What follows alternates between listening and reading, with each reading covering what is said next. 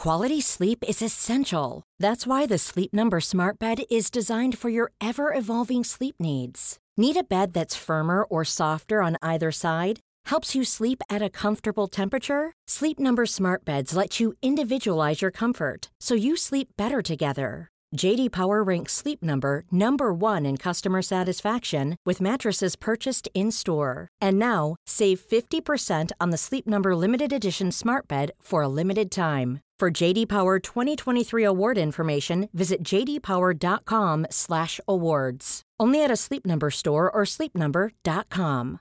Imagine the softest sheets you've ever felt. Now imagine them getting even softer over time. That's what you'll feel with Bowl and Branch's organic cotton sheets. In a recent customer survey, 96% replied that Bowl and Branch sheets get softer with every wash. Start getting your best night's sleep in these sheets that get softer and softer for years to come. Try their sheets with a 30-night guarantee. Plus, get 15% off your first order at bowlandbranch.com. Code BUTTERY. Exclusions apply. See site for details. Voor we beginnen nog even dit. Boontjes, dopen, spuitjes, schillen. Etenstijd, een nieuwe podcast van mij, Yvette van Boven en Teun van de Keuken. Hallo Yvette, Ja, Teun. wat, wat, eh, wat ga jij straks eten? Vanaf 12 september iedere maandag, woensdag en vrijdag. Maar wat vind je dan van het uitspugen van, van hele garnalen en zo? Nou, daar ben ik dan een beetje Jannie van der Heijden in. Ik vind dan dat je daar een beetje je hand voor je mond kunt houden. Ja. Rond de klok van vijf. Smakelijk eten zo. Dank je, jij ook. In je favoriete podcast-app. Etenstijd. Reinoud Oerlemans gaf na acht jaar eindelijk weer een interview. Maxime Meiland baalt van het BN'erschap. We gingen eten bij een BN'er thuis. André Rieu vertelt nog eens hoe wereldberoemd hij nou eigenlijk is. Galiet en Sophie moesten een uitzending onderbreken omdat Queen Elizabeth overleed. Maar hoe laat kun je als ster eigenlijk het beste doodgaan als je een mooi in memoriam wil krijgen? Je hoort het zo bij de Mediameiden. Haverkappel, kaas, croissant. iPhone, socials, ochtendkrant. Make-up, sprinter, Hollywood. Ideetje, pitches, zit wel goed. Legio BN'ers in de Rolodex. Van Robert en Brink tot Ronnie Flex. Kwartiertje mediteren voor de stress je verslindt. En het hele liedje morgen weer opnieuw begint. Media meiden, media meiden, media. Ja, Tamer, hartelijk welkom bij de Mediameiden. Bedankt. Helaas moeten we weer beginnen eh, met een rectificatieverzoek. Een correctie ja. hebben we binnengekregen. Ja. Hoi, leuk dat jullie nu een BN'er-volger van de week kiezen. Maar helaas gaan jullie direct hopeloos de mist in. Herman Brusselmans is geen Nederlander en kan daardoor ook geen BN'er zijn. Ja, klopt. Klopt, heel dom. Hier hebben we niks van terug. Herman Brusselmans is inderdaad geen bekende Nederlander. Ehm, hij is een Belg. Dat eh, heb je goed gezien. En eh, het betrof hier dus eigenlijk in feite een BV'er. Bekende Vlaming. Maar ik zit opeens te denken van, is het begrip BN'er? Je hebt toch van die afkortingen waarbij ehm, de, de betekenis eigenlijk niet meer uitmaakt. Omdat het de afkorting op zich een nieuwe betekenis heeft gekregen. Ja, Misschien is BN'er dat wel een klein beetje hoor. daar ben ik niet met je eens. Oké. We kunnen wel met de afkorting BP'er wennen- werken. Wat is dat dan? Bekend persoon. Maar dat klopt R niet meer. Oh nee. BV'er dan. Als jij niet eh, voor BN'er wil gaan, dan scheiden hier onze weg. Oké. Eh, verder hebben we geen eh, noemenswaardige rectificatieverzoeken binnengekregen. Dat is mooi om te zien. We hebben vorige week gezegd van let er nou op dat de rectificaties echt kloppen. Of de rectificatieverzoeken. Ja. We hebben onze grenzen gesteld en we werden daardoor ook powervrouwen genoemd. We willen iedereen daarvoor bedanken. Ja, meis. Beter later nooit, hè? Met die grenzen stellen. Zeker. Volgende bericht. Hey mediameiden. Dank voor jullie heerlijke en informatieve podcast. Ik werk zelf voornamelijk in het theater en dus is het fijn om via jullie ook op de hoogte te blijven van wat zich er in en rondom Hilversum afspeelt. Graag deel ik even een opmerkelijk voorval. In de aflevering van 30 augustus reed ik in mijn auto en hadden jullie het over Claudia de Brij.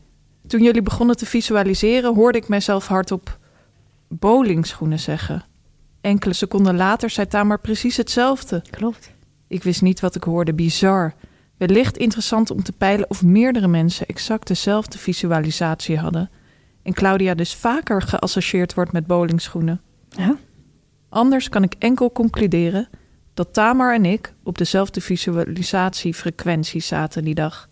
Mocht dit vaker voorvallen, dan laat ik het uiteraard weten. Goed zo. Veel succes in dit nieuwe mediaseizoen. Ik heb er zin in. Liefs Jela. Hoe zou dit nou kunnen, hè? Ja, ja, ja. Echt raar, toch? Ja. Het enige wat ik dacht van... Misschien is er ooit een fotoshoot geweest van Claudia de Brij... waarin ze bowlingschoenen aan had. Oh ja, dat dat onbewust in je hoofd is blijven zitten. Ja, dat heb ik dus met Gerard Joling. Ik heb hem ooit gevisualiseerd en toen zag ik een dolfijn. Ja. En toen bleek dus later dat er een hele beroemde foto van Gerard Joling is met een dolfijn. Ja, op Aruba of zo. Ja. Ja, het zou kunnen. Maar denk je dat het waarschijnlijk is dat Claudia de Breij met bowlingschoenen wordt gefotografeerd? Eerlijk gezegd niet. Onze technicus Gijs Groenteman denkt van wel. Ja? Voor een blad. Ik vind het bij haar passen. Hij vindt het bij haar passen. Nou ja, we kunnen dat, dat kunnen we nog even uitzoeken. En anders hebben we het gewoon allebei heel goed gevisualiseerd. Ja. Dan blijkt er echt eh, iets van te kloppen. Heel bijzonder. Dan een eh, bericht, eigenlijk een vraag die we hebben binnengekregen. Van een luisteraar. Jaap. Ik lees het even voor. Lieve mediameiden, wat een heerlijke podcast maken jullie. Dit was een tip van mijn vriend en ik ben er zeer erkentelijk en dankbaar voor. Schaterlachend zit ik in de sprinter, alleen dan niet naar Hollywood. Ik heb een vraag over iets dat al meerdere keren de revue is gepasseerd. Ik heb deze vraag al vanaf aflevering 1. Ik heb eerst alles geluisterd om te horen of het ergens al werd opgehelderd, maar nee. Jullie geweldige lieder, de extended version, staat in mijn 25 meest afgespeelde nummers. Wow, dan luister je het echt heel erg vaak. Wat zingen jullie nou precies? Legio BN'ers in een puntje, puntje, puntje. En wat is de regel voor de regel voor het hele liedje morgen weer opnieuw begint?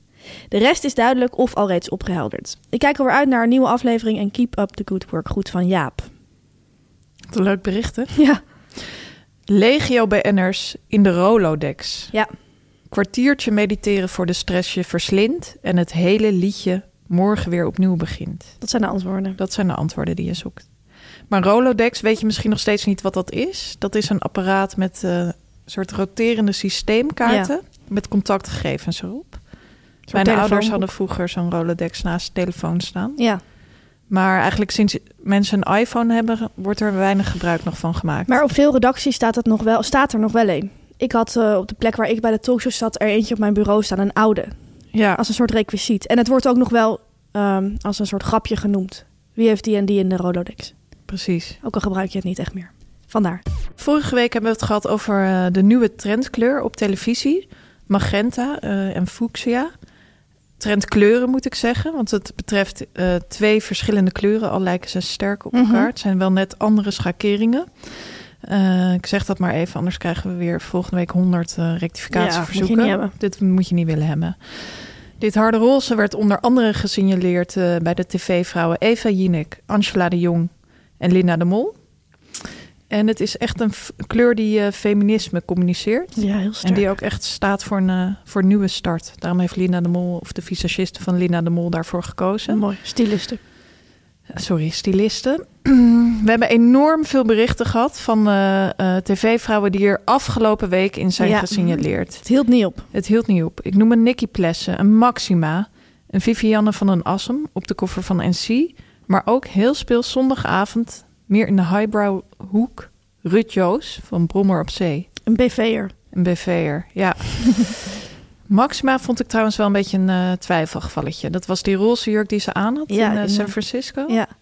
Ik dacht van, is het nou hardroze genoeg, hè? Het was iets zachter dan, dan echt het knal. Ja. Maar het was ook weer niet lichtroze. Nee, dus ik nee, snap wel de verwarring. En mensen denken van roze, roze, roze. En dan zie je wat je wil zien. Precies.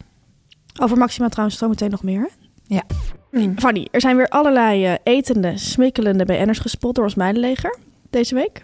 Ja. Neem ons mee. Lieve mediameiden, ik heb een drinkende BN'er gespot. Mag dat ook? Ja. In de speeltuin met zijn tweelingdochters zag ik Art Rooijakkers zo'n kleine smoothie uit een plastic wegwerpflesje van de Albert Heijn drinken. Tussen haakjes, er was ook een Albert Heijn vlakbij. De smoothie was lichtrood, dus ik denk iets met aardbei en sinaasappel of bosvruchten. Ja. Dank voor jullie geweldige podcast. Het is echt mijn favoriet. Liefs en ik wens jullie nog veel bijzondere chips toe. Leuk. Ja, Ja. Ja. echt iets voor hem. Ik heb Art zelf ook gespot deze week. Oh ja? Ik fietste over het Rokin en toen zag ik hem fietsen met een bakfiets. Mhm. En hij had een zwarte blouse aan en een beetje opengeknoopt en een zonnebril op. En had dat blonde haar zo'n beetje naar achter geschoven. Het leek Mhm. echt een beetje op een soort rockster. En ehm, het was ook een hele bijzondere week voor hem. Heb je gezien?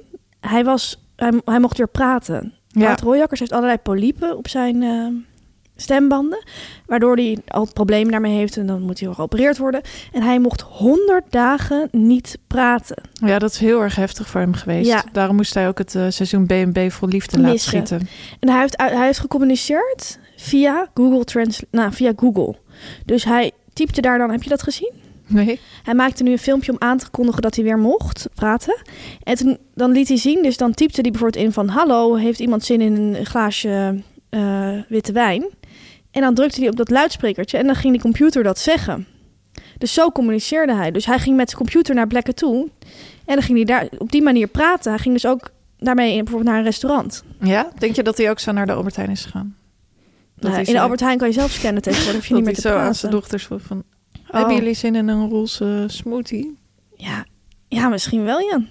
Of misschien liet hij het gewoon zien en dan was het non kwestie van non-verbaal communiceren. Ja, maar die dochters zijn vijf, hè? Ja, maar dan zo deze of deze, maar dan zonder dat erbij te zeggen, maar dan laat je het zien. En dan mogen ze wijzen. En zij kunnen wel praten natuurlijk. Dat is waar. Maar ehm, hij had dus aangekondigd van ik mag weer praten. En ik ging op die Instagram post even kijken en toen zag ik dat ontzettend leuk. Dat B- andere BN'ers echt heel erg blij zijn voor Art. Dat vond ik heel erg Mm. leuk om te zien. Ik zal een paar mooie reacties voorlezen. Ten eerste Rolf Sanchez, wat fijn man.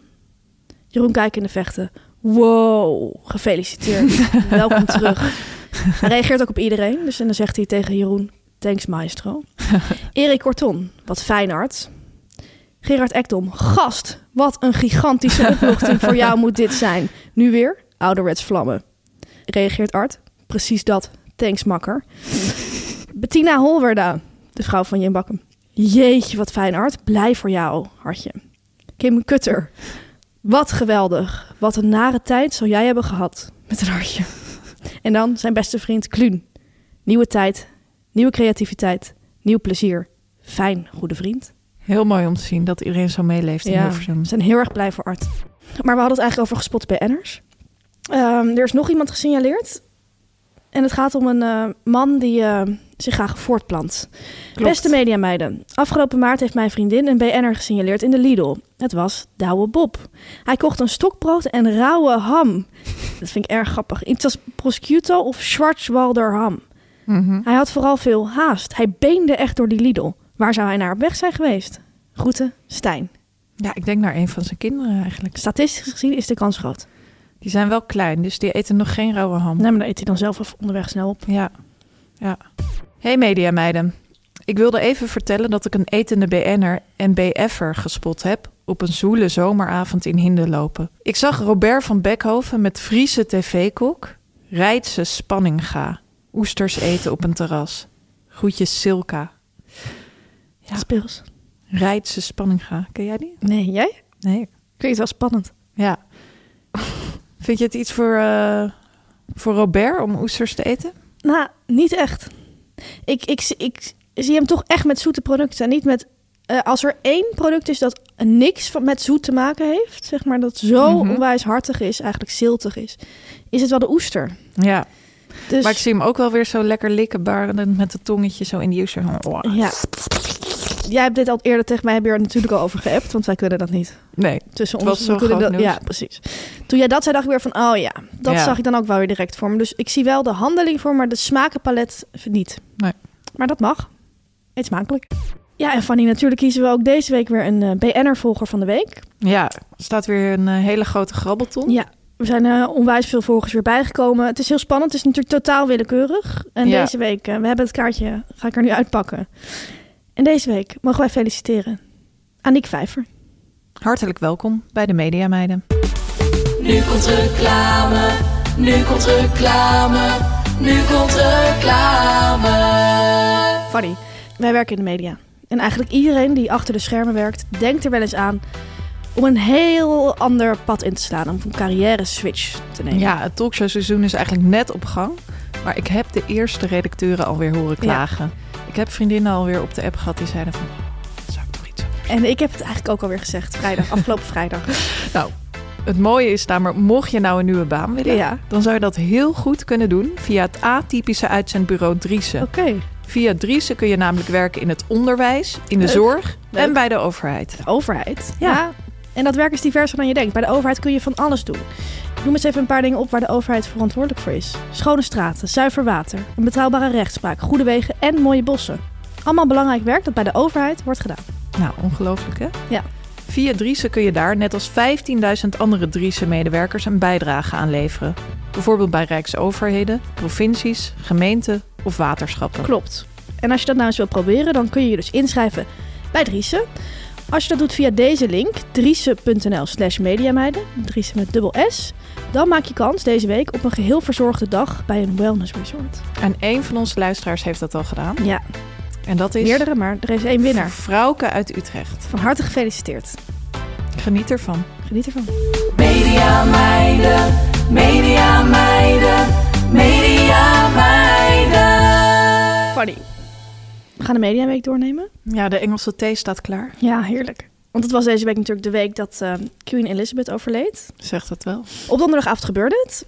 Smiddags kwam al het nieuws eh, naar buiten dat het totaal niet goed ging met haar. En dat iedereen eh, was afgereisd naar Schotland, waar zij was. De hele middag was er nog geen nieuws. Alleen dat, dat mensen daarheen waren gereisd. Maar er was niet duidelijk hoe Nee. slecht de toestand echt was. Toen zat ik die avond eh, te kijken naar Galit en Sophie. Sophie presenteerde en ze hadden de uitzending afgetrapt met een gesprek over, eh, over de Queen. Eh, met als gasten Suze van Kleef, de Brit Barry Stevens, die is natuurlijk Engels. Mhm. En oud-Engeland-correspondent Peter Brussen. Dat was overigens heel geestig, want die, eh, die hoorde de vragen niet goed. Die zat ook ver van Sophie af. Ehm, en die leek wel een beetje doof. Op een gegeven moment vroeg Sophie of hij ehm, naar de begrafenis van Queen Elizabeth zou gaan. Als ze dood zou gaan. Ze was toen nog niet overleden. En toen zei Peter Brussen van, ja, zeker, zeker. En toen eh, vroeg ze van, waarom zou je daar dan heen gaan? Waarom is hij zo belangrijk voor jou dat je zou gaan? En hij reageerde gewoon niet meer. En hij ging iets anders zeggen. En toen zei Barry Stevens van... Eh, Sophie vraagt waarom je erheen zou gaan. En toen zei hij van... Hè, wat? Sophie vraagt waarom je naar de begrafenis zou gaan. En toen zei hij... Oh, maar ik zou helemaal niet gaan. Dus hij had het gewoon helemaal niet verstaan. Het was heel erg verfrissend. Heel inclusief om ook een keer een dove gast uit te nodigen bij een talkshow.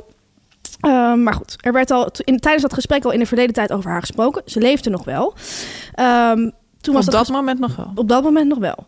Toen was dat gesprek klaar en toen eh, volgde er een gesprek met Erik Corton en Maaike Aalboter over hun theatervoorstelling. En midden in dat gesprek zei Sofie ineens van... Je zag haar zo aan haar oor friemelen, want presentatoren hebben dan een in-ear in hun Ja. oor... waarmee ze kunnen communiceren met de regie, of de regie eigenlijk met hen. En je zag haar zo aan haar oor zitten, dan weet je al van er wordt nu iets gezegd en ze moet goed luisteren. En toen zei ze van ik moet jullie nu helaas gaan onderbreken, want het is zover. Eh, Queen Elizabeth is overleden en eh, toen ging ze naar de BBC. Zag ik een kort stukje en toen moesten zij ehm, de zender overgeven aan de NOS. Er kwam een ingelast journaal. Dus eh, toen zei ze ook van, ja, er stond nog muziek gepland. En Joop van den Ende staat hier in de coulissen. Maar ja, we moeten de- gewoon nu gewoon naar de NOS. Bedankt voor het kijken. En eh, ik had het direct even geappt met een bevriende redacteur die daar werkt. En die, die zei ook van, ja, ik had 24 man koor klaarstaan. Nou, die moet je dan dus wegsturen. Mhm. Joop van den Ende moet je ook wegsturen. En ehm, ik ging me toen meteen helemaal weer voorstellen hoe dat soort dingen altijd waren achter de schermen bij talkshows. Want ik miste talkshows niet vaak, maar dit soort momenten vond ik altijd enorm sappig en enorm genieten. Ja, niet dat je wenst dat iemand doodgaat natuurlijk, maar als er Nee. breaking news is, dat zijn momenten, Dat wensen wij niemand toe. dat natuurlijk. wensen wij niemand toe. Maar het is op een redactie, Ja, het is het allerleukste schakelen, wat er kan schakelen, gebeuren. Ja. Ehm, wie daar ook van heeft genoten is Eva Jinek. ja, Ze heeft eh, sinds vorige week ook een eigen nieuwsbrief. En daar ehm, schreef zij het volgende in. Om half acht plof ik in de make-up stoel als mijn telefoon oplicht. Queen Elizabeth is dood.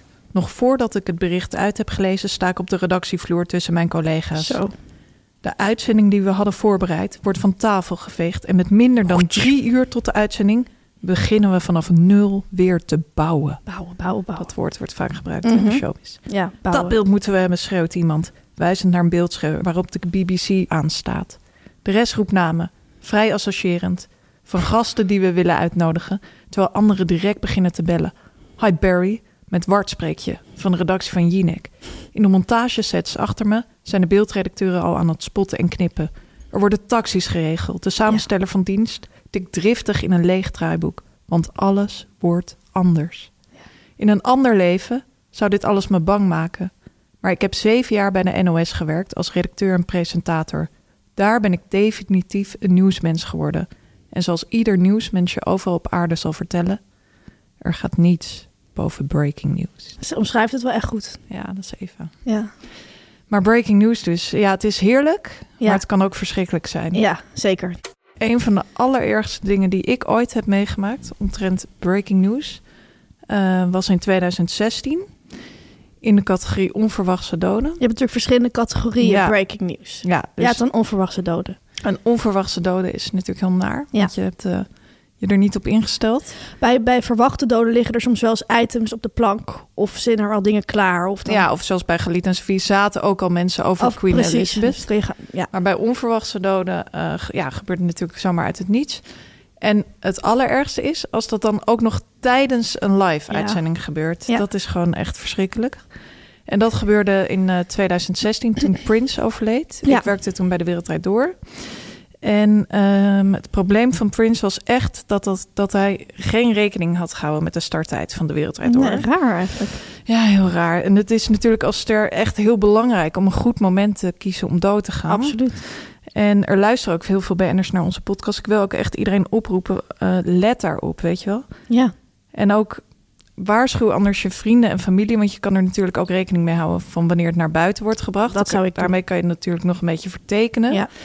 Dus ehm, ik zou eigenlijk aanraden, het beste moment als je een volledige televisieuitzending wil hebben, ja, echt een in memoriam. een echt mooi, eh, waardig in memoriam is ehm, als je bijvoorbeeld 8 à 3 uur overlijdt voor je bij die, bij die show. voor de eh, show begint. Ja, voor de show begint. Ja. Dus Ja. show uitkiezen, daar dat dan een beetje op aansturen. Ja, waar gewoon een show kiezen die je het liefst wil. Ja, En dan even want de kijken. gekte moet ook nog wel groot genoeg zijn. Dus bijvoorbeeld als je echt 20 uur van tevoren dan Ja, nee, weer niet dood goed. gaat, is ook weer niet goed. Want dan zijn sommige tv-redacteuren er ook ja, alweer overheen. Dat heb ik ook heel vaak gehad. Dat het dan de volgende ochtend was van die gisteren nacht is die overleden. Ja, Ja, het is gisteren. Is ja, is misschien hoogstens nog een tafel, maar zeker geen volledige En een tafel. Vaak wordt het dan bijvoorbeeld een optreden. Of een klein filmpje. Ja, nou ja. is niet goed. Het probleem bij Prince was in ieder geval, hij ging dus dood tijdens de show. Ja, En ehm, Matthijs hoorde dat nieuws eh, toen we al live waren. in zijn oor. Hij hoorde het ook weer in zijn oor.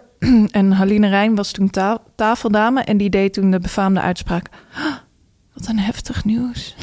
Dat is inmiddels een gifje geworden. Ja. Dat gebruiken wij eh, in de talkshow-industrie Regelmatig. regelmatig nog als er iets eh, gebeurd is. Mhm. Sturen we dat aan elkaar. Ehm, een ander probleem van Prince was dat hij alles eh, wat zeg maar online zou kunnen staan, videoclips, beeldmateriaal, had hij, hij was al jarenlang een strijd daar tegenaan Ja. aan het gaan. En dat had hij allemaal van YouTube en alle internetkanalen laten verwijderen.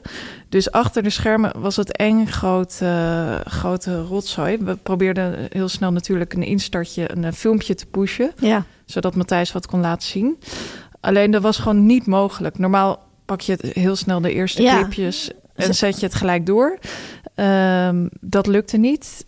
En het was ook heel erg moeilijk om aan Matthijs duidelijk te maken waarom het niet lukte. ja, want je kan echt kort communiceren via dat oor. je kan heel kort dus. Ehm, je zag Matthijs zeg maar in beeld zitten en die zei de hele tijd van... eh, eh, jongens, kunnen we al wat laten zien? En dan Stilte. stilte. En Het is meest natuurlijk- ongemakkelijke moment op een, eh, in een live talkshow als er zo'n ja, stilte precies. Dus je zag ook steeds dwingender. Jongens, hebben we al wat klaarstaan? En dan kwam er weer niks. En achter de schermen waren we inmiddels ehm, in onze archiefkast. We hadden een hele grote archiefkast. En daar waren allemaal dvd's van... eh, ja, van Alles, allerlei... Ja, ja. alles wat je kan bedenken. Televisieshows. eh Oudejaarsconferenties. Oudejaarsconferences met name heel erg veel. Maar dus ook een aantal muziek-dvd's. En net die dvd van Prince zat niet in dat hoesje. Oh god.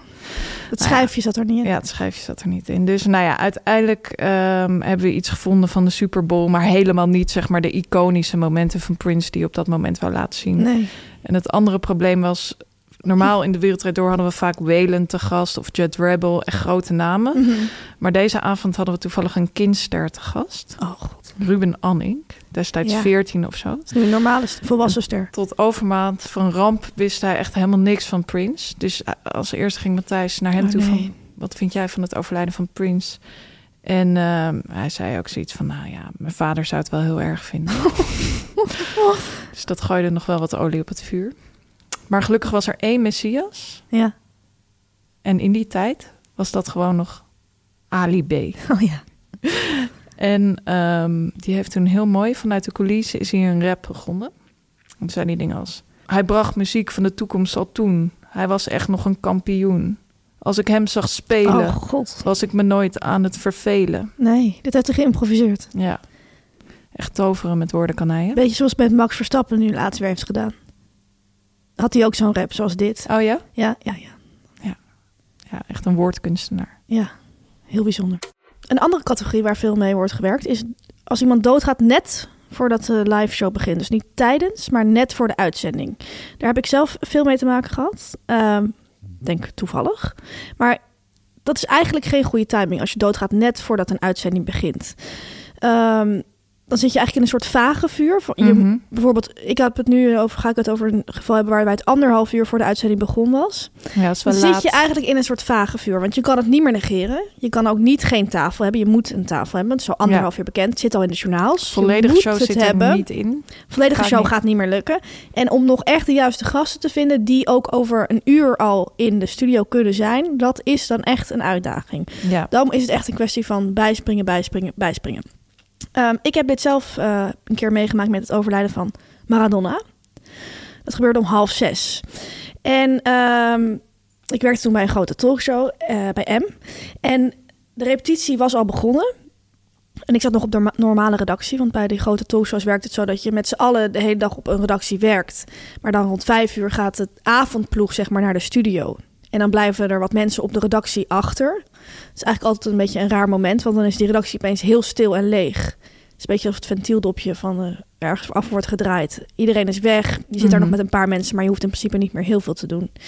Ehm, dus ik had mijn jas ook al aangedaan, mijn tas. En ik wilde echt weggaan. En toen ging die groepsapp aan. Ik heb dat even teruggezocht.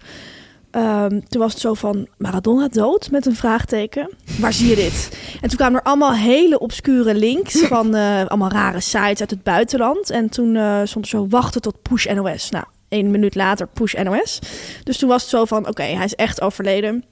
Uh, die appgroep ontplofte totaal. Wil je een tafel? Stuurden allemaal redacteuren naar de samensteller. Tafel of eerbetoon? Tafel of eerbetoon? tafel, tafel.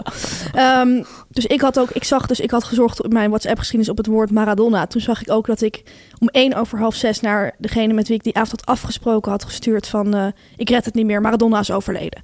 Dus ik moest mijn jas uitdoen, tas neerleggen. Nam het zelf in elk geval heel serieus. En toen um, moesten we echt gaan bijspringen. Um, en om half zes is ook een tijdstip dat de gasten die je hebt uitgenodigd, die zijn er al ja, eigenlijk. Die klopt. komen dan ongeveer binnen. Dus uh, we moesten mensen gaan wegsturen die al backstage waren. Ja, in het en, ergste geval zit ze in de, in de visagie. Ja, dus dan lekker met, met een een half pasta. met mascara. Ja, ja. En dat kan ook niet meer worden afgemaakt, dat is te duur.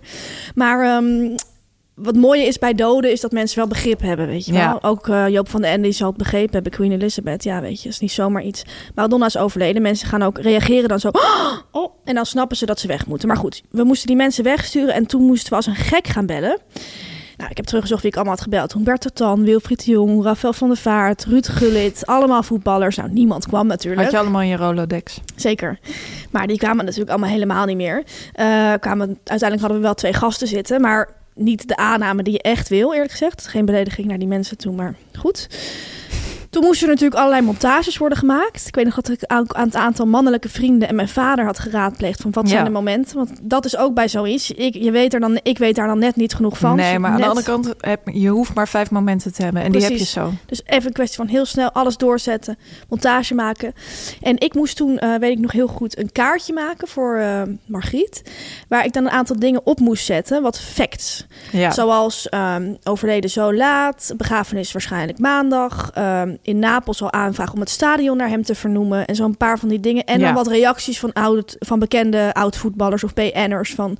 Diego was my star, always. The hand of God is with God of zo. Dat soort dingen. Dus ehm, ik moest dat soort dingen allemaal op een kaartje zetten. En eh, toen moest ik dat naar haar toe brengen, terwijl eigenlijk al 10 seconden voor, voor live of zo. En dat vind ik altijd zelf grappig. Als je zo'n kaartje of een papiertje op tv ziet. Er is dan dus geen tijd meer om het nog in het draaiboek of in de autocue te zetten. Maar als je zo'n papiertje ziet, dan weet je dat er haast in het spel is geweest bij tv. En dan zie je ook die presentator altijd een beetje vies naar dat papiertje Ja. kijken. Alsof het in de fik staat of zo. Alsof het heel raar is. Zo van, nou, en dat moest ik toen aan haar geven. En toen, ehm, nou ja, toen is, dat is het gebeurd. Ehm, en er was ook een gast in de studio. Dat is namelijk eh, bij doden altijd zo. Dan ehm, moet iedereen in de studio daar even iets over zeggen. Als Ja. Zeker bij, zo, bij iconen als Prince of Maradona. Dat zijn dan echt natuurlijk hele eh, grote sterren die iedereen heeft gekend. Ehm, en toen was er één gast in de studio die keek een beetje raar voor zich uit. En die, die zei niet echt wat. En toen ehm, zag ik in die appgroep dat er werd gevraagd van... kan piep ehm, ook even iets zeggen. Wat is Maradona voor hem? En toen reageerde die redacteur die hem had voorbereid van... hij wil niks zeggen. Hij is bang voor een Halina Rijn moment met Prince. Wat een heftig nieuws. Ja. Ja, sport heeft natuurlijk een eh, heel bijzondere status op televisie. Zeker. Heel veel mensen eh, vinden dat heel belangrijk. En ehm, in de categorie sport kan je uitzending ook ineens worden overgepakt. Ja, ja. En het is ook breaking news soms. Dat is ook breaking news soms, ja. We hebben dit ook een keer meegemaakt. En ehm, wij moesten toen namelijk overschakelen naar het moment dat Maarten van der Weijden klaar was met zijn Elfsteden zwemtocht. ja, weet ik nog heel goed. Ja, Dionne Staks presenteerde dat. En Maarten Ja. van der Weijden werd uit dat water getakeld. En zij stond steeds in het riet. Ja, Er werd zo'n hele grote takelmachine. zij stond de hele week al in het riet met een microfoon van... en hij is nu hier en hier. Ja, En om, hij kwam dan precies om half acht of zo uiteindelijk aan bij de finish. En toen moesten wij ook inderdaad eruit. Want de NOS overtoept de andere omroepen. klopt. Ja. Ehm, dan in de laatste categorie breaking news is eigenlijk breaking news waarbij nog niet genoeg duidelijk is. Waarbij je niet weet wat je ermee moet. Maar het zou zomaar kunnen escaleren en dan moet je er toch iets mee. Ehm, is eigenlijk te vers, maar je moet er melding van maken. Dat herinner ik me nog heel goed een moment in 2019. Toen was er eh, brand in de, uitgebroken in de Notre Dame. Ja, En ehm, we hadden een uitzending. Het was, in die uitzending was dat gebeurd. Nou ja, in die uitzending, tijdens, tijdens die uitzending. En, maar het was helemaal niet duidelijk wat er was. Er werd toen nog heel erg gedacht dat het een terroristische aanslag was. Of dat, het, dat er zoiets zou zijn. We zagen alleen maar beelden gefilmd met mobieltjes van die Notre Dame die helemaal in de fik stond. Maar ja, het was gewoon totaal onduidelijk wat ermee was. We konden er eigenlijk niks over zeggen. Maar dan wordt in de regie wel besloten van de presentator moet dit weten. Stel dat er over 10 minuten iets gebeurt, dan weet diegene al dat er Ja. iets aan de hand is. en het is ook heel vervelend als programma als je het hebt gemist. Ja, dat is heel raar. We, we besluiten ook wel eens dat we het niet brengen, maar dan voelt het dus daarna wel Ja, heel vervelend Je voor moet de het wel hebben besproken. Ja, En die presentator kan ook altijd nog zelf besluiten om er toch iets over te zeggen, bijvoorbeeld. Nou goed, ik zat in de regie naast de samensteller. Dat is dus degene die in het oor zit te communiceren. En die eh, besloot inderdaad om het tijdens een filmpje aan te geven van de, er is brand in de Notre Dame. Dus je kan dan praten met de presentator. Dat gebeurt vaak als er een filmpje is. Want dan kan de presentator even goed luisteren. ja. Maar dat is altijd maar kort. En je kan niet opzichtig luisteren als je in beeld bent. Dus dat moet snel gebeuren. Het is een soort walkie-talkie-achtige manier van communiceren. Dus die samensteller zegt... De Notre Dame staat in de fik. Waarop die presentator zegt... Wat? Rotterdam staat in de fik? en toen begon dus de uitzending weer. Nou, dat was een heel mooi moment. Ze heeft volgens mij tot het eind van de uitzending niet begrepen wat er aan de hand was. Nee. Ja, en wanneer er gebeurde natuurlijk meer deze week. Niet alleen Queen Elizabeth heeft ons verbaasd. Ook iemand anders. En ik ga het nu zeggen. Faya Laurens, 41, wordt oma. Wat een heftig nieuws. Ja, Tamer, wij hebben deze week eh, de andere kant van de medaille gezien. Van de media-medaille. Ja, klopt.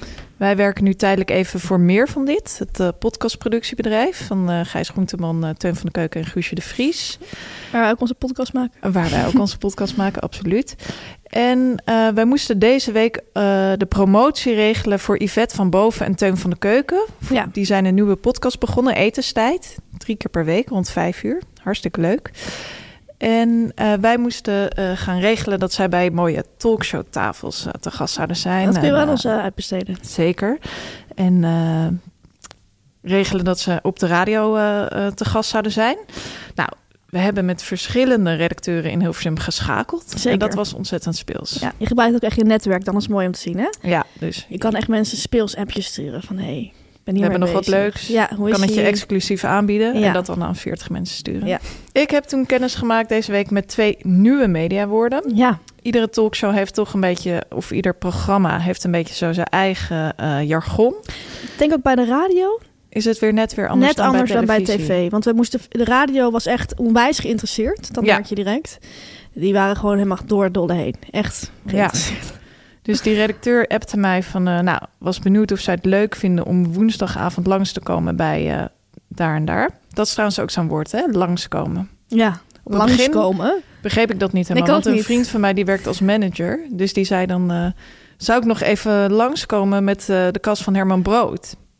Toen dacht ik echt van, wat bedoel je nou? Je nou in de Ja. show, zeg maar, wil je na afloop wat komen drinken? Ja, ik begreep dat in het begin ook niet. Langskomen is eigenlijk veel te informeel. Ja, Het is heel erg een eufemisme. Je moet gewoon daar pre- presteren. precies. Maar mensen doen het altijd van, ah, doen het alsof, ja, ze maken het heel gezellig daarmee. Ja, toen dacht ik ook van, nou, langskomen, dat is niet echt hier hoe het werkt. Het moet echt wel beter gepitcht worden. Ja, Daar kom ik niet ver mee.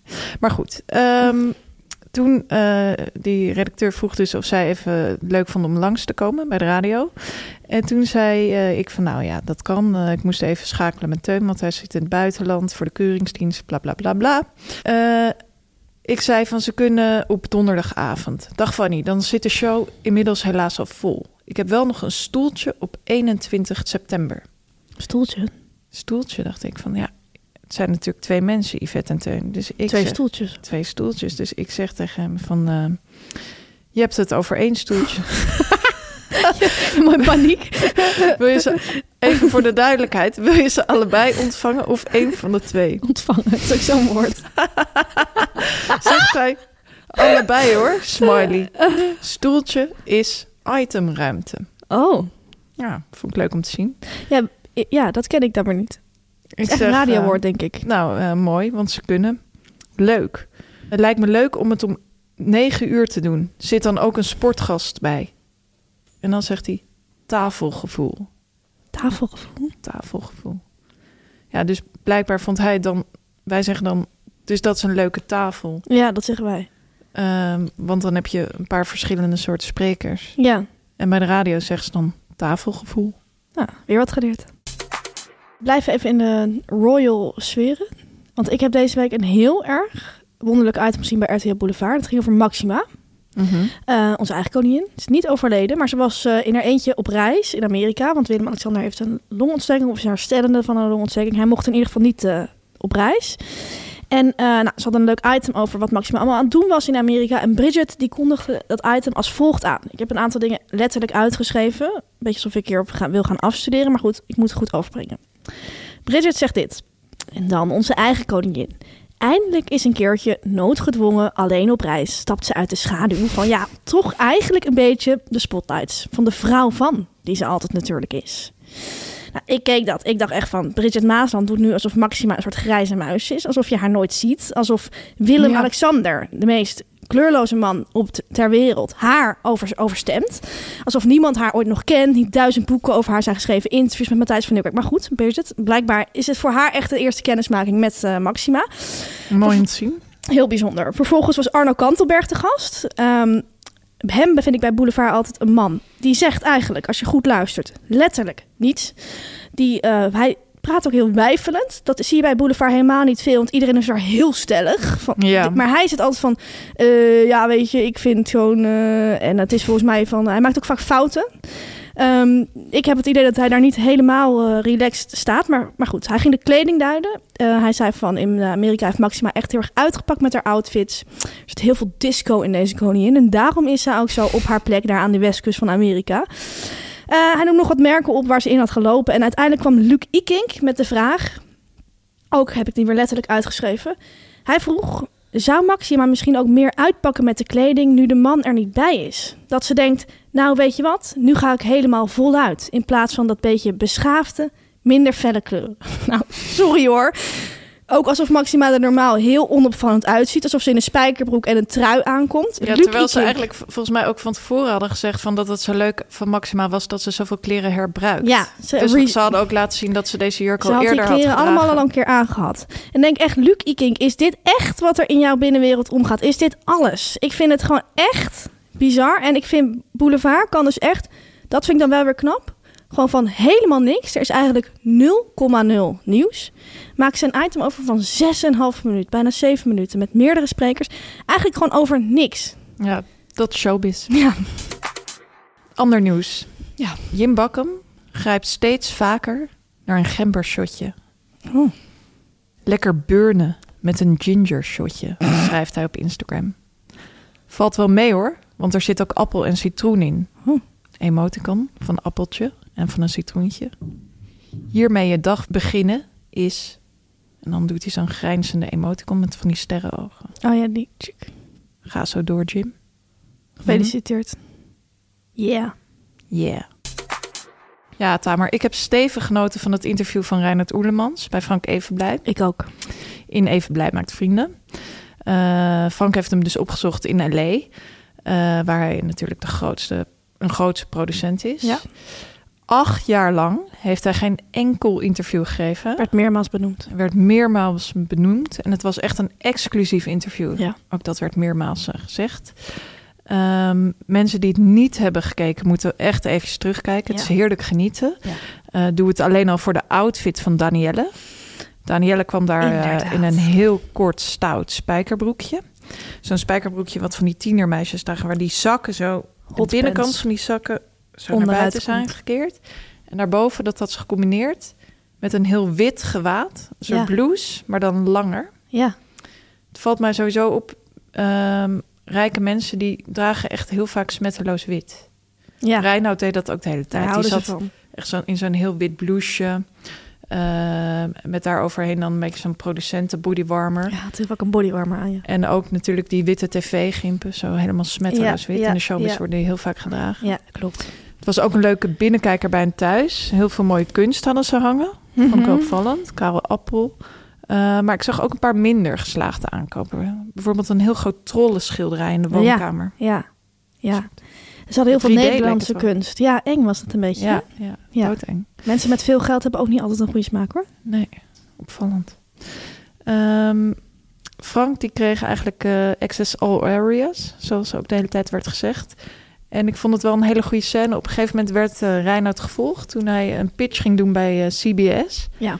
En het leuke was, ehm, die pitches vinden daar echt plaats in pitchrooms. Ja. Vond ik wel speels om te zien. Wij moeten altijd gewoon tijdens vergaderingen gewoon een paar ideeën Ja. pitchen. Maar hier, Op een stoel die uit elkaar valt. precies, hier word je echt mooi en groots ontvangen in een pitchroom. Ja. En ehm, wat ik wel leuk vond, Reinoud komt natuurlijk zo super zelfverzekerd de hele tijd over. Maar hier zag je hem toch een klein beetje Ja. zenuwachtig. Dus dan zei hij al zo van, ja, ik voel me altijd een eh, beetje geladen voor dit soort momenten. Eh, ik heb toch wel eh, last van gezonde wedstrijdspanning. En dan zei hij zo tegen zijn Engelse collega, I always feel a little excitement. Hij praatte ook super Amerikaans, op. Ja, Heel grappig, maar ga door. En ehm, op een gegeven moment staan ze dan in die pitchroom. En dat vond ik wel heel erg goed gedraaid. Want toen ging het ineens ook echt heel erg lang duren. Zo dat moment voordat je iets Ja. groots moet doen. Dus dan zie je Reinhard zo rondlopen en zo met die schouders draaien. Zo, zo aan zijn handen was klappen. bijna integraal. Ja, ja. En ehm, nou, vond ik het leuk. Vond het leuk om te zien dat ze dat in de montage zo lang hadden ja, ze gehouden. hadden echt bijna integraal erin gezet, Ja. denk ik. Om echt die andere kant van hem te heel laten close zien. shot. Had hij zo met die mond. Ja, ja, ja. En ook dit. Maar goed, toen kwam die, eh, die gast dus binnen aan wie die, die pitch moest doen. Ja, En toen zei eh, eh, Frank dus, eh is a bit nervous. ja, En toen dacht, zag ik wel aan zijn ogen van dat hij dat niet leuk vond. Nee, toen werd hij ook we gelijk niet. weggestuurd. ja. Zeiden ze van, ah, we're really excited. Ja. Yeah.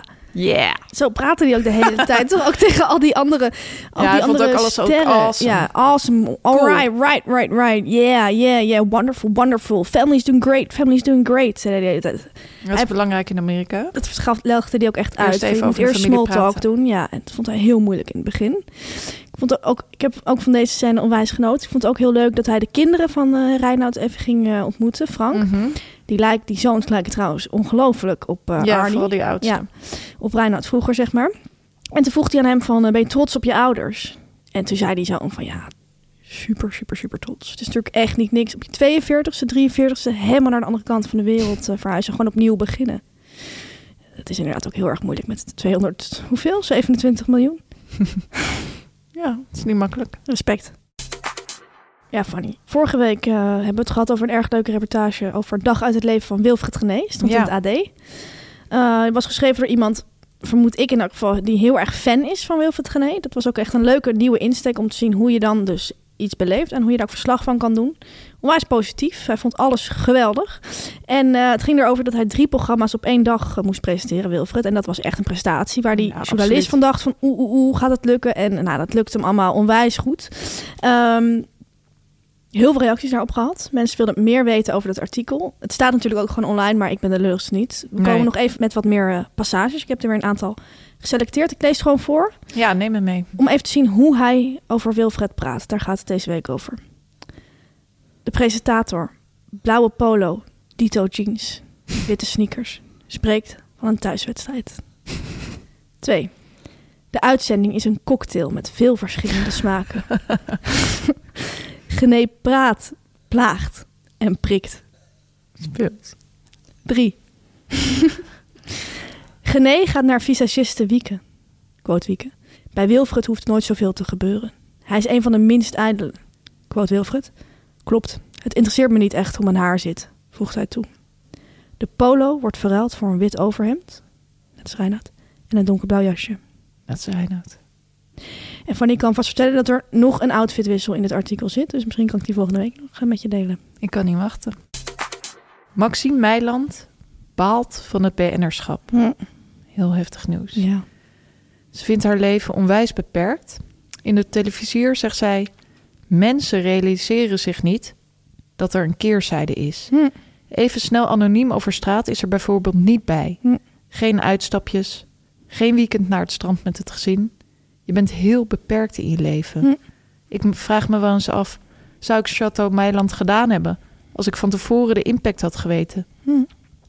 Misschien niet, al heeft het me natuurlijk veel gebracht. Ja, dat is inderdaad. BN'ers kunnen natuurlijk inderdaad helemaal niet naar het strand. Nee, je ziet nooit een BNR op het strand. Nee, nou ja, we willen daar heel veel sterkte wensen. Namens het hele team van de Media Meiden. Zeker. Dan Fanny, om de Mediaweek af te sluiten, eh, heb ik nog iets heel eh, speels gezien. Ik wil het heel graag met je delen. Ik wacht er al een tijdje op.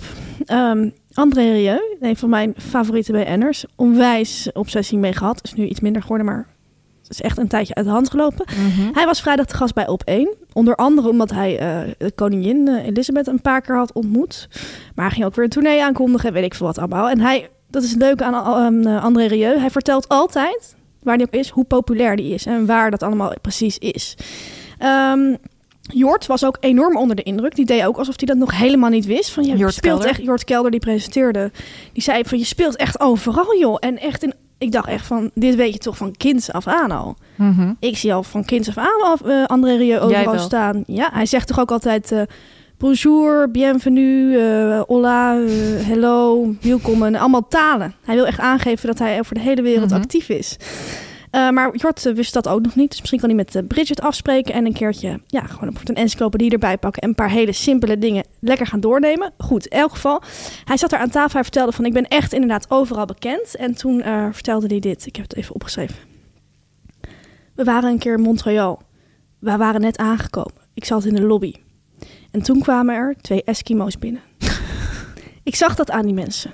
En dan wees hij naar zijn gezicht. Hij zag dus dat ze Eskimo waren. En toen, ah, ah, ze gaf mij een stenen ijsbeertje. Het staat nog altijd bij mij op de koelkast. Ik zei, hoe kennen jullie mij? Van YouTube, zeiden ze. Dus die zitten in hun iglo te kijken naar YouTube. Wat geweldig. Dit vertelde hij. Dat is toch bizar? Echt bizar. Nu komt reclame, nu komt reclame, nu komt reclame. Tamer, als ik zeg makkelijk en snel op je plek van bestemming. Eh, check, Als ik zeg ultieme vrijheid. check. Inderdaad, Tamer, want de deelscooters van Check geven je vrijheid. Je komt heel makkelijk en snel van A naar B. Zonder gedoe of hoge kosten. Klopt. En die scooters, deelscooters van Check, zijn elektrisch. En het mooie van eh, Check is dat je alleen betaalt voor de tijd dat je rijdt. Een kwartje per minuut, 25 cent per minuut. Verder zit je helemaal nergens aan vast. Je hebt geen parkeerkosten, geen maandkosten en geen brandstofkosten. En je vindt de scooters van Check in 15 verschillende steden. En er staat er bijna altijd eentje op minder dan drie minuten lopen. Wij gebruiken vaak van het woord speels. En dat vind ik echt op het volgende feitje van toepassing. Alle check-scooters hebben hun eigen naam. Die staat op de scooter ja, geschreven. En er is ook een Fanny scooter en er is een Tamar scooter. En dat vind ik ongekend speels. Download de app en dan kun je alles daar regelen. Het reserveren, het starten en het eindigen van je rit. En vul je de code MEDIAMEIDEN in, dan krijg je als nieuwe klant 100 gratis rijminuten. 100 gratis Echt rijminuten. De code is na invoer een maand geldig. Heel veel rijplezier. Geniet ervan. Chips van de week. Ja, Fanny. Bij al die tv-programma's die we de hele week kijken, moeten we natuurlijk ook iets eten. Klopt. En dan eten we meestal chips. Vandaar de rubriek de chips van de week. Ja, deze week is de chips van de week ehm Lees Bolognese. Een paar weken geleden hebben we de cheese onion van ditzelfde merk eh, besproken. En gezegd dat dat echt een chips is waar heel uiteenlopende meningen over zijn. En daar hebben we echt heel erg veel reacties op gehad. Want heel veel mensen dachten toen we dat zeiden van... oh, dan gaan ze nu echt die bolognese bespreken. Ja, Eh, ook onze editor, eh, eigenlijk de derde mediameid... Victor van Woudenberg. Mhm. Die dacht eigenlijk ook dat het over bolognese zou gaan. En ehm, ja, bij deze dus alsnog. Ehm Lees Bolognese is een chips. Ik eet hem niet vaak. Het is een beetje een bouillonachtige chips, vind ik altijd. Ja, mijn zus vond hem vroeger heel erg lekker. Ja? Ik herinner me vooral nog een kinderfeestje... eh, waar ik ooit die chips heb gegeten... waar ik heel erg misselijk ben geworden. Oh, naar. Ik denk dat dat eigenlijk niet door die chips kwam... maar meer alles, Bij door elkaar. alles wat ik daarvoor al had gegeten. Niks voor jou. En ehm, ja, het is dus... Ja, als je, dat, als je dat ooit hebt meegemaakt bij een product... dan Wil je het niet wil je meer? hem daar niet meer. Nee, heb ik ook met een aantal dingen. Dus ik neem hem eigenlijk nooit. Heel soms. Volgens mij kan ik me één keer herinneren dat we bij een grote talkshow samen die chips hebben gegeten in zo'n zakje. Zo'n klein zakje. Ja. Ja, dat zou kunnen. Ik, koop, ik heb deze chips nog nooit gekocht. Ik eet het misschien wel eens in zo'n klein zakje. Bijvoorbeeld als er verder alleen nog maar patatje joppie is. Want dat vind ik heel vies. Ja, precies. Dan neem ik wel eens bolognese. Ik vind de chips heel nietszeggend. Ja, dat vind ik niet waar. Op zich heeft hij een vrij peperige smaak. Pittig. Beetje pittig. En dat vind ik er op zich wel lekker aan. Maar in die pittigheid vind ik hem weer vrij vlak. Ja, het Dus dan zou ik eerder van chili chips gaan. ja, dat vind ik ook lekkerder. Ja. En ik associeer het een beetje met heel normaal. Dus ik kan het niet helemaal uitleggen. Maar ik vind het niet uitgesproken genoeg. Dat doet mij, ja. Qua look en feel, qua vibe. Echt die jaren negentig vibe. Ja, ja. Eind jaren tachtig. Misschien ik was zelfs. toen nog niet geboren. Ja. Zie je Ehm, vaker. Dus ik ga ook laag zitten. Ik ga ook laag zitten. Ehm Tamer, aan jou de eer. 6,2. Oh, Ik vind wel, ik vind niet vies hoor, maar ik hoef het gewoon niet. oké. Ik geef hem een 5,8. Dus dan zitten we gemiddeld op een 6. Het etablissement van een BN'er. Ja, BN'ers ze hebben tv-programma's, radioshows, concerten, biografieën, autobiografieën. Ze hebben hun eigen kledinglijn. Maar toch willen ze allemaal ook een eigen restaurant. Klopt. En wij gaan erheen. Deze keer Chez Paul. En wie Paul zegt, zegt in de showbiz Paul de Leeuw. Klopt. En eh Fanny, voor de duidelijkheid, Paul heeft geen eigen restaurant. Hij heeft Nog geen, niet. het- nog niet. Eh, we zijn bij hem thuis gaan eten. Eh Hij even ons uitgenodigd. achtergrond. Voor de zomer hebben we een oproep gedaan voor nieuwe etablissementen van BN'ers. Er zijn er heel veel binnengekomen. Maar wij gingen het opzoeken. We gingen research doen en we gingen dingen inplannen. Een dagje naar Utrecht, een dagje naar Voorburg. Ehm, maar wij kwamen er al heel snel achter dat de meeste van die etablissementen alweer gesloten zijn. Dus BN'ers beginnen wel heel vaak met dingen, maar ze Ja. stoppen er ook weer heel erg snel mee. Ja, ze hebben echt dat applaus nodig. Ja, en zodra het applaus uitdooft, zijn ze weg. En dan Ja. staat er permanent gesloten op Google Maps. En dan kunnen wij er ook niet meer naartoe. Daar hebben we niks aan. Ehm, ook ehm, bleek een aantal etablissementen niet echt van de BN'er zelf te zijn, maar bijvoorbeeld van de dochter van de BN'er. Ja, Ja, dat is voor ons echt een brug te ver. Wij willen echt naar etablissementen van BN'ers. Eh, er zijn er nog wel een aantal waar we naartoe gaan. Bijvoorbeeld gaan wij binnenkort onze opwachting maken bij uh, Kees en Wijs ja. restaurant. Maar eh, we zullen ook moeten gaan schakelen. En daarom moeten wij nu bij BN'ers thuis gaan eten. ja, heel vervelend. Ze kunnen ons uitnodigen. Ja, heel erg naar. Maar ja, we doen het. Eh, de eerste eh, die dat heeft, eh, die aan deze oproep gehoor heeft gegeven, was dus Paul de Leeuw. Die Ja, ons hij heeft ons uitgenodigd. Ja. Wij hebben hem ehm, vorig seizoen voor zijn 60ste verjaardag gefeliciteerd. En toen hebben we hem gevisualiseerd. Ehm, ik zag toen eh, een gehaktbal voor me. En jij Ja. zag een eh, dampende pan mosselen voor Ja. je. En toen heeft Paul ons een bericht gestuurd van... nou, dat vond ik zo ontzettend leuk. Ehm, weet je wat, kom het allebei bij- lekker bij mij eten. Hij wilde dat echt gaan maken. Hij wilde dat echt gaan Heel maken. Ja. Toen moesten wij hem het heftige nieuws brengen... dat jij eh, vegetariër bent. Nou ja, pescatariër. Pescatariër. Ik eet wel mosselen, maar geen gakballen. Precies. Dus die mosselen stonden op het menu. De gehaktballen niet. Maar Sorry. hij had wel een hoop alternatieven, hè, Tamer? Oh my god. Ja, Paul is eh, eh, natuurlijk een BN'er ehm, ja, die enorm van eten houdt. Dat, eh, daar wint hij geen doekjes om. En hij had dan ook gewerkt met plateaus, hapjes. heb verschillende plateaus. gezien. Wie Paul de Leeuw zegt, zegt veel. Ehm, hij is ook Zeker. rijk, dus hij heeft ook veel geld. Ja, hij had echt... Ik heb dit echt nog nooit gezien. Nee, het was bizar. Bizarre hoeveelheden voedsel. Wij kwamen binnen. Nou, Nou, ze neem ons mee. Fanny. Eh, eerste plateau, eh, uiteraard chips. Ja. Het was een rustieke soort, echt het duurdere soort. Ja. Een ander bakje met zeeweerchips, cashewnoten, een bakje kaasstengels, Ja. een bordje met haring, Mm. leuk in stukjes gesneden. Met zijn uitjes en zuur. Ja. Lekker. Ehm, dan was er een ander plateau waarop verschillende dips eigenlijk stonden. Eh, je kan denken aan een tonijnsalade, een krabsalade, makreelsalade, een olijventapenade, vrij rustiek was die. Ja, lekker dik. Ook een tapenade van rucola en artichok. Dat was een van mijn favorieten. Dan werkt hij nog met een crudité. Dus eigenlijk allerlei verschillende soorten rauwkost. Ja, Met een dipje erbij. ja. Ehm, Voor de duidelijkheid, we waren met drie personen. We waren met drie personen, ja. En ook voor de duidelijkheid, ehm, Paul was zelf op dieet. Ja. Hij was deze zomer 15 kilo afgevallen. Met behulp trouwens van de personal trainer van Barry Stevens. Hij kwam Ja. al eerder voorbij Ja. deze show. Wij zijn 15 kilo aangekomen, denk ik, op die ja, avond. Maar goed. precies. En ehm, Paul die richtte zich dus eigenlijk uitsluitend op die rauwkost. Ja, En dan nam hij niet dat dipje erbij, wat echt Nee. heel erg jammer was. Want dat was echt een ontzettend lekker dipje. ja. Op een gegeven moment was Paul even weg. En toen zei hij tegen mij van, nou, wat is dat voor... Hij was even in de keuken. Zei, wat is dit voor een heerlijk dipje? En toen zei ik, ik zei van, nou, volgens mij is het gewoon knoflooksaus. Want daar vond ik het Van heel erg naar smaken. En toen zei jij tegen mij echt vrij pittig van, nee, maar ik vind dit heel lekker. Dus geen knoflooksaus. Ik vind het Ja. echt heel lekker. Paul kwam terug. Ik zei, wat is dit? Zei hij, ah ja, het is gewoon knoflooksaus. Van Albert Heijn. Ja, meis. Uit het verschap. Ja, Nou ja, toen kwam ik er dus al achter dat die eerste drie kilo er ongeveer al op zat. ja. Ehm, dit was denk ik ook al op het moment eh, dat er inmiddels ehm, meerdere flessen wijn per keer werden gesfeerd. Ja. Dus Paul liep, we zaten in zijn tuin. Ja. En hij liep steeds naar binnen toe om een nieuwe fles wijn te halen. Maar dan haalde hij twee flessen witte wijn. Moet je bij ons met zo'n eh cool element eromheen.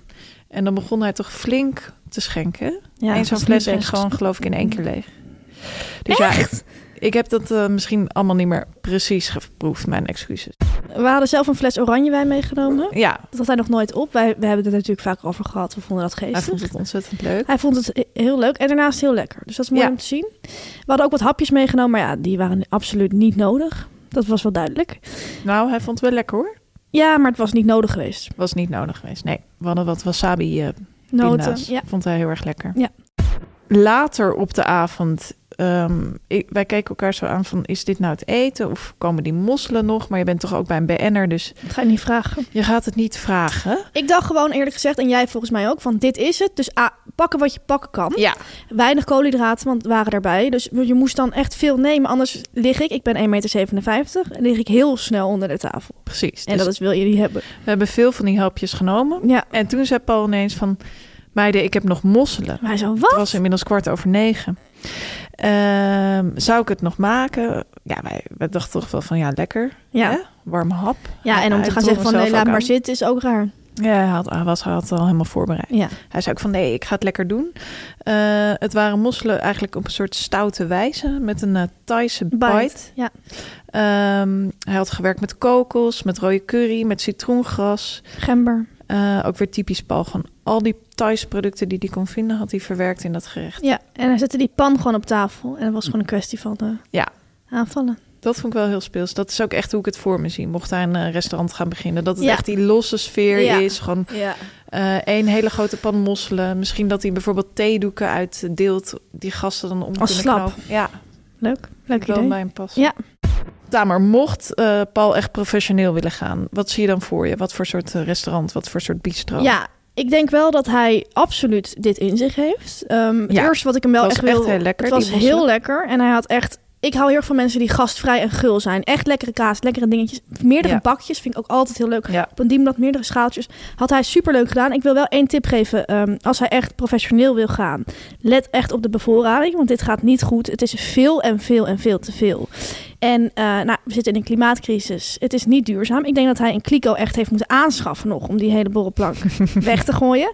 Ehm, daar zou ik echt naar gaan kijken als ik hem was. Dus ga uit van hoeveel gasten heb je en hoeveel eten die ongeveer. En daar echt dan op inkopen. In plaats van gewoon in het wilde weg uh, alles leegkopen.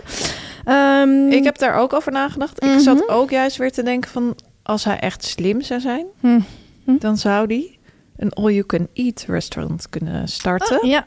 Als businessmodel, zeg maar. Je hebt nog niet echt zo'n Frans all-you-can-eat restaurant. Nee, dus als klopt. hij nou uh, gaat rekenen, boete gaat geven op alles wat mensen niet hebben opgegeten. Dat gebeurt in sommige restaurants, ja. Dan kan het wel eens een heel succesvolle onderneming worden. Een heel mooi pensioen, denk ik zo. Ja, ja we hopen dat we nog vaak uh, bij Paul de Leeuw gaan eten. Want het was hartstikke gezellig. Zeker.